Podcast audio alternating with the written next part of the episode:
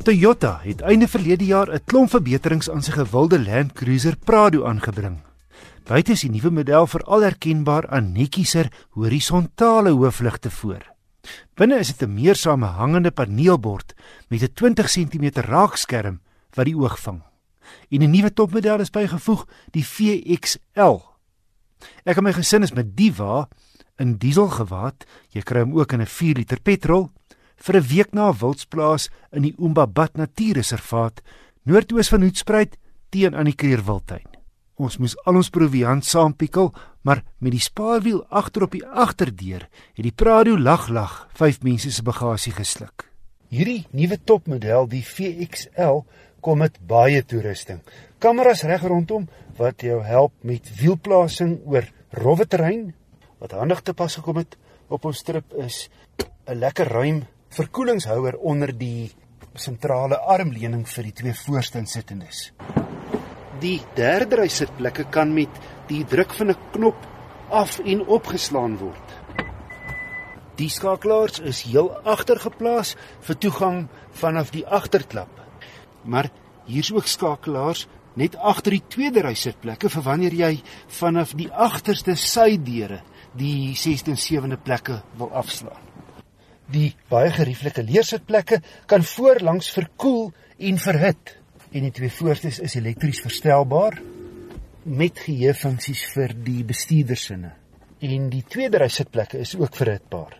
daarmee saam trippelsone klimaatbeheer, 'n sondak, navigasie op die groot sentrale skerm en 'n aantreklike hout en leerstuurwiel wat van self intrek wanneer jy uitklim en terugkeer na sy oorspronklike posisie wanneer jy inklim en die voertuig sleeteloos aansluit. Gonsers voor en agter en saam met die driekamera neem hy kruisverkeer waar. Met ander woorde, indien jy in trierit is by 'n inrit of so, waarsku hy jou wanneer verkeer agter jou verbyry. Die Prado VXL bied ook 'n selfstopfunksie wanneer die radar agterkom. Hier's groot moeilikheid. Verder blindekol waarskuwings in die syspieëls en baanwisseling waarskuwing. 'n Beheerknop gee vir jou 5 modusse waarmee jy 'n spesifieke terrein keuse kies en dan kies die Prado vir jou outomaties die regte opsies. Lekker groot skakelaars onder die skerm maak dit maklik om byvoorbeeld die ewenaars te sluit of na laastrek te beweeg. Daar's 'n rede hoekom die Prado 'n gesogte veldryvoertuig is. Want saam met die stellings kom hy met 'n leerraam onderstel, die sentrale en agterste ewenaars wat kan sluit, 'n laastrekradkas, permanente vierwielaandrywing, heuwelbystand, 'n goeie 215 mm grondvryhoogte terwyl die onderstel nog verder gelig kan word met die druk van 'n knop.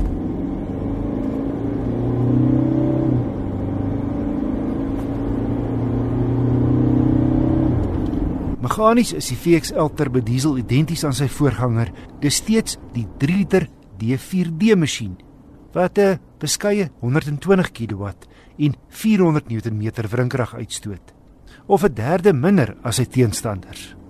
Jy mag wonder hoekom Toyota volhard met die ouer tegnologie.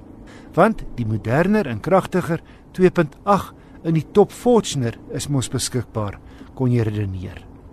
Die skop 10 kW en 50 Nm meer uit as die Prado. Wel, eerstens is die 3 liter 'n beproefde kragbron met 'n hengse goeie reputasie. Tweedens kan hy veiler 500 ppm diesel hanteer wat hom geskik maak om in Afrika lande te loop waar skoner sulfaat diesel nie beskikbaar is nie. En derdens het ek ondanks 'n groot lyf nooit gevoel die Prado het te min krag nie. Ek vermoed egter mense wat sleep sou in sekere situasies meer krag wou hê. Sy 5-spoed outomaties is goed gespasieer. Eerste rad 40. Tweede rad 70.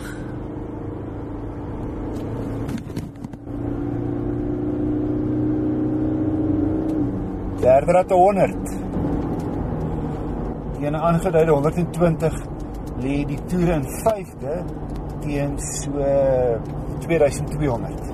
My gemiddelde verbruik was 9,3 liter per 100 km op die reis. Baie goed vir so 'n groot voertuig propvol gelaai. Dit beteken 1600 km op sy 150 liter tank. Hantering is nie in die klas van sy Duitse kompetisie nie. Hier is die klem op gemak en die Prado se rygerief op teer en grond is van die heel beste wat ek nog teëgekom het. Dit saam met sy spasie, weelde en veldry vermoë maak die Prado 'n besondere veelsidige voertuig. Inderdaad, soos 'n kollega dit stel, die Switserse mes onder die sportnutse. Die Land Cruiser Prado reeks begin by 830 000, hierdie VXL kos 979600 rand. Relatief goed geprys as jy hom met sy teenstanders vergelyk.